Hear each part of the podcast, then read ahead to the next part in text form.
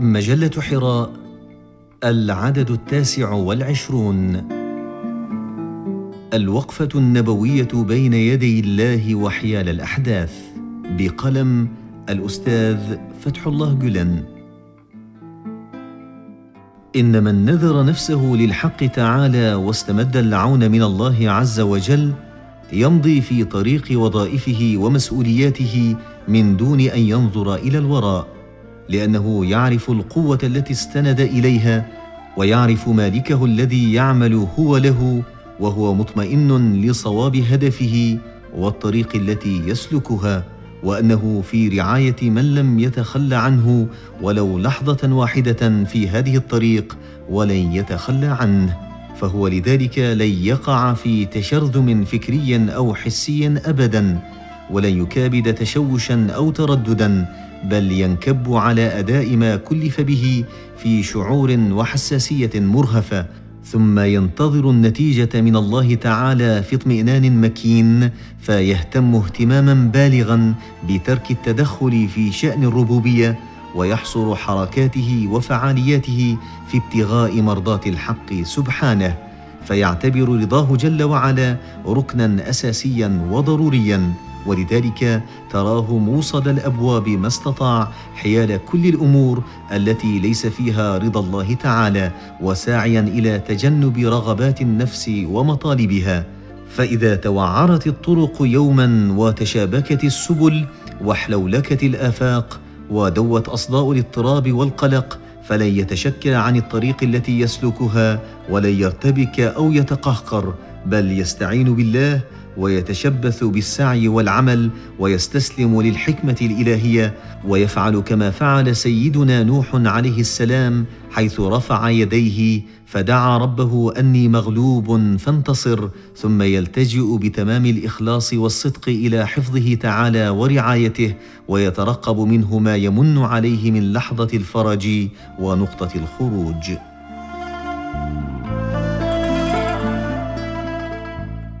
الانتظار والصبر.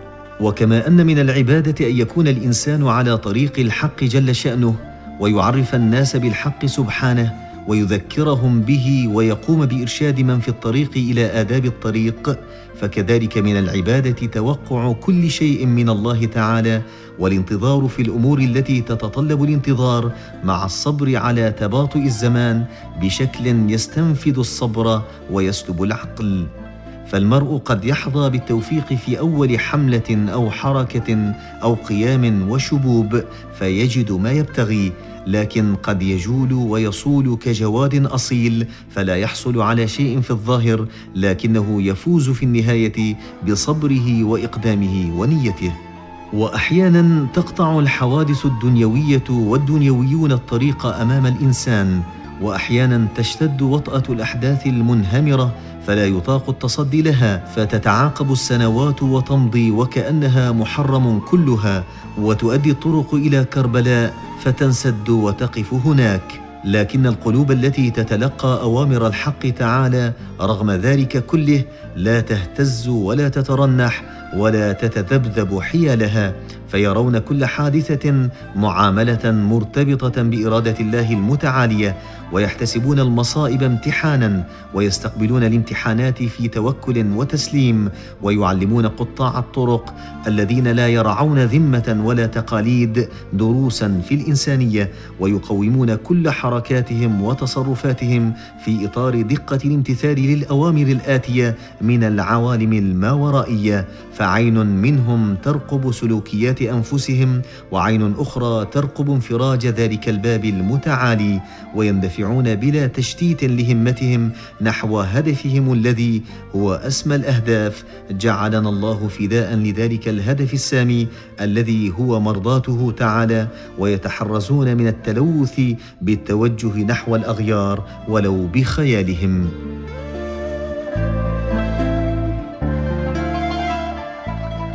العبودية لله إن رجلا بهذه الأوصاف من أهل الوفاء والصدق له هم وحيد بدرجة العشق هو أن يجد الله كل أحد ويتوجه إليه ويتخلص بالعبودية لله وحده من شتى العبوديات.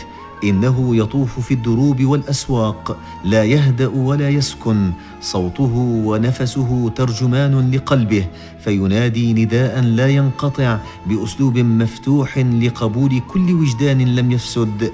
فيئن وينادي يا قوم اعبدوا الله ما لكم من إله غيره إني أخاف عليكم عذاب يوم عظيم. هذا التوجع هو شيء من نواح النبي نوح عليه السلام. يا قوم اعبدوا الله ما لكم من إله غيره أفلا تتقون؟ وهذا شيء من صراخ النبي هود عليه السلام. إني لكم رسول أمين فاتقوا الله وأطيعون وما أسألكم عليه من أجر إن أجري إلا على رب العالمين. وهذه التعبيرات الصادقة الخالصة هو البيان المشترك لدعوة أولئك الأنبياء أجمعين. يقول ذلك ويسمع خفقات قلبه ابدا أو يهرع لعون الذين يهتفون بتلك النغمات فينادي يا قوم اتبعوا المرسلين اتبعوا من لا يسألكم اجرا وهم مهتدون وما لي لا أعبد الذي فطرني وإليه ترجعون أأتخذ من دونه آلهة ان يردني الرحمن بضر لا تغن عني شفاعتهم شيئا ولا ينقذون. إني اذا لفي ضلال مبين. إني آمنت بربكم فاسمعون. فيأمر الله تعالى أن يدخل الجنة. وفسر بأنه قتل فدخل الجنة شهيدا. قيل ادخل الجنة. قال يا ليت قومي يعلمون بما غفر لي ربي وجعلني من المكرمين.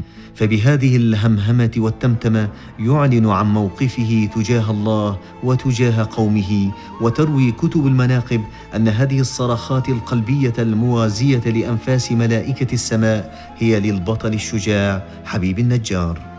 وهناك رجل مؤمن من آل فرعون مجهول الاسم هذا البطل الهزبر الذي يخفق فؤادي كلما سمعت صوته الهادر يبدأ كلامه بقوله أتقتلون رجلا أن يقول ربي الله ويعني برجلا موسى عليه السلام فيدلي بنصائح وبيانات بليغة ومؤثرة في الأحاسيس والأفكار الإنسانية كنفخ الصور فتملأ الصدور خشية وترعش وترعد ارواحا وتشرح وتريح ارواحا ثم يصرخ في جرأة بما ينبغي أن يقال ويختم كلامه بقوله لا جرم أن ما تدعونني إليه ليس له دعوة دعوة في الدنيا ولا في الآخرة وأن مردنا إلى الله وأن المسرفين هم أصحاب النار فستذكرون ما أقول لكم وأفوض أمري إلى الله إن الله بصير بالعباد. رجال العزم والإرادة. لقد ظل رجال العزم والإرادة هؤلاء صامدين وثابتين حيال تلك الجموع التي تردت وهبطت إلى منتهى الطيش والصلف والهوان والغرور والأنانية والحقد والكره والغضب. تلك الجموع التي اعتبرت مروءتهم وشجاعتهم هذه ضلالة وسفاهة وخوفتهم بالطرد والتهجير من مساكنهم وديارهم أو هددت أتباعهم بقطع أرجلهم وأيديهم أو استخفت بهم واحتقرتهم أو أساءت الظن بمواقفهم النبوية بأن بعض آلهتهم اعترتهم بسوء أو أوعدت هؤلاء المرشدين بالرجم أو هونت من شأنهم دائما بقولهم إن أنتم إلا بشر مثلنا ولكن هؤلاء ردوا عليهم في صوت جهوري. يا قوم إن كان كبر عليكم مقامي وتذكيري بآيات الله فعلى الله توكلت. فأجمعوا أمركم وشركاءكم ثم لا يكن أمركم عليكم غمة ثم اقضوا إلي ولا تنظرون. هذه الوقفة وهذا الصوت الهادر لنبي الطوفان عليه السلام قد افترينا على الله كذبا إن عدنا في ملتكم بعد إذ نجانا الله منها وما يكون لنا أن نعود فيها إلا أن يشاء الله ربنا. وسع ربنا كل شيء علما. على الله توكلنا. ربنا افتح بيننا وبين قومنا بالحق. وأنت خير الفاتحين. وهذا التحدي من خطيب الأنبياء شعيب عليه السلام. إني أشهد الله واشهدوا أني بريء مما تشركون من دونه. فكيدوني جميعا ثم لا تنظرون. إني توكلت على الله ربي وربكم ما من دابة إلا هو آخذ بناصيتها. إن ربي على صراط مستقيم. وهذه البيانات تظهر مواقف النبي هود عليه السلام. قال يا قوم أرأيتم إن كنت على بينة من ربي ورزقني منه رزقا حسنا؟ وما اريد ان اخالفكم إلى ما انهاكم عنه. ان اريد الا الاصلاح ما استطعت وما توفيقي الا بالله. عليه توكلت واليه انيب. وهذا تحذير من النبي شعيب عليه السلام. أما ردهم على قولهم إن أنتم إلا بشر مثلنا فكان إن نحن إلا بشر مثلكم ولكن الله يمن على من يشاء من عباده وما كان لنا أن نأتيكم بسلطان إلا بإذن الله وعلى الله فليتوكل المؤمنون وما لنا ألا نتوكل على الله وقد هدانا سبلنا ولنصبرن على ما آذيتمونا وعلى الله فليتوكل المتوكلون. وهذه وقفة من وقفات أولي العزم من الأنبياء العظام كنوح وهود وصالح وغيرهم عليه السلام فحينما وصل الأمر إلى حد لا يطاق توجهوا إلى الله تعالى بكل كيانهم وقالوا ربنا عليك توكلنا وإليك أنبنا وإليك المصير. ربنا لا تجعلنا فتنة للذين كفروا واغفر لنا ربنا إنك أنت العزيز الحكيم. وهذه باقة رسائل حول التوكل من أبي الأنبياء إبراهيم عليه السلام إلى السائرين في الطريق.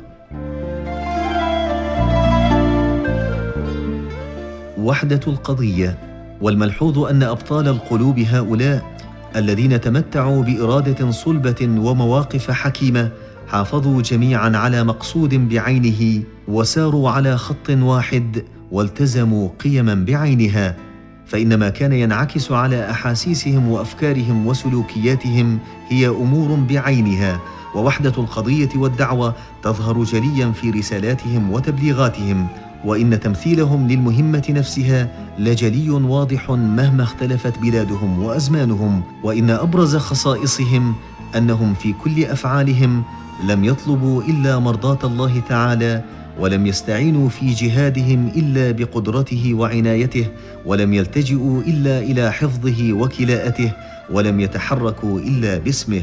أما الوظيفة الأصلية لهؤلاء القدسيين فهي إنقاذ البشر من ظلمات الكفر والضلالة إلى نور الإيمان.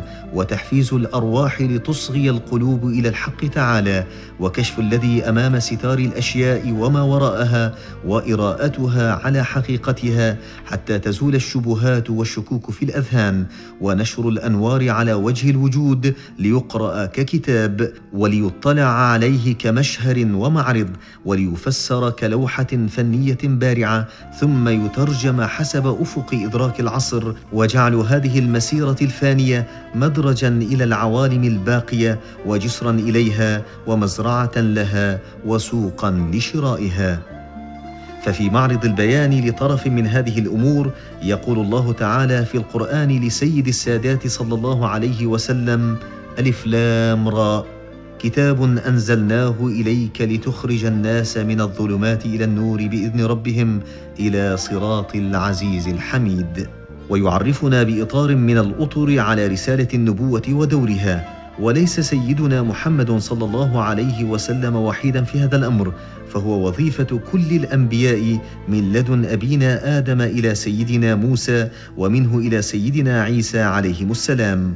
وانظر كيف يربط القرآن الكريم الأمر في السورة نفسها بالنبي موسى عليه السلام أيضا قائلا ولقد أرسلنا موسى بآياتنا أن أخرج قومك من الظلمات إلى النور وذكرهم بأيام الله. بشريون متميزون ومع أن ممثلي هذه الرسالة السامية التي تتطلب شعورا بالغا بالمسؤولية وإرادة مكينة وشخصية متينة مع أن هؤلاء بشر من أمثالنا لكنهم بشر يختلفون ويتميزون عن غيرهم في قوة عزمهم وإيمانهم وحدة استقامتهم وعلو أمانتهم وغاية شعورهم بوظيفتهم وشدة حرصهم على رضا الحق تعالى وثبات مواقفهم وإرادتهم حيال المعاصي ابدا وولعهم بدعوة الناس إلى الصراط المستقيم كأنها غريزة فيهم فلا يقر قرارهم ولا يعرفون سكونا إلا الإرشاد الإرشاد. فيؤدون وظائفهم في اشتياق غامر لا يعرفون كللا أو مللا. وإذ يوفون بوظائفهم بحساسية مرهفة لا يتدخلون في شأن الربوبية. فلا ينشغلون بحساب النتائج قط ولا يرجون إلا عناية الرب جل وعلا. يرجعون الهداية والضلالة إلى الله تعالى مع قبول وجود أثر للإرادة في مستوى الشرط العادي ويعترفون برجوع الأمر إليه كله ويخضعون لحكمه وقضائه بألف نفس ولا بنفس واحدة.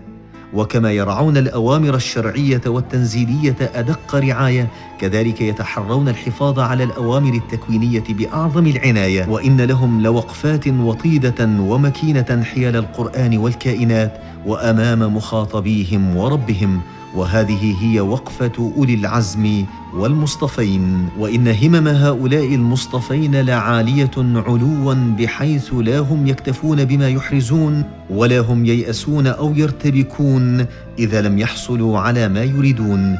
يعرفون أن التوفيق من الله ويرجعون إخفاقاتهم إلى أنفسهم. يقفون منتصبين في ثبات ويأبون أن ينهاروا فإن حصلت لهم رجة من حيث لا يشعرون استعادوا الثبات من فورهم ثم مضوا لسبيلهم. لا يفرحون بما ربحوا من حظوظ الدنيا فلا ينشدهون بها ولا يغتمون أو يتكدرون لفرصة أضاعوها. يعرفون أن الحظوظ كلها من الحق سبحانه فتصيبهم رعشة ورجفة خشية أن يتعرضوا للابتلاء من وجهة ومن وجهة أخرى ترى ظهورهم منحنية خشوعا ومهابة منه تعالى لعلمهم أن كل الألطاف والإحسانات منه تعالى. فللوقفة السليمة السديدة لهؤلاء المصطفين الأخيار لن يتخلى الله عنهم بل يؤيدهم بنصره في الدنيا ويشرفهم بوراثة الأرض ويورثهم جنة الفردوس في الآخرة. واقرأ إن شئت شاهدا. ولقد كتبنا في الزبور من بعد الذكر أن الأرض يرثها عبادي الصالحون والمعنى أن الأرض كلها ستصطبغ بصبغتهم. أولئك هم الوارثون. الذين يرثون الفردوس هم فيها خالدون. إن المقومات الداخلية لهذه الهامات السامقة وأطر رسالاتهم تستدعي مقالة أخرى مسهبة ومستقلة تشبعها شرحا وتفصيلا قد نعود إليها.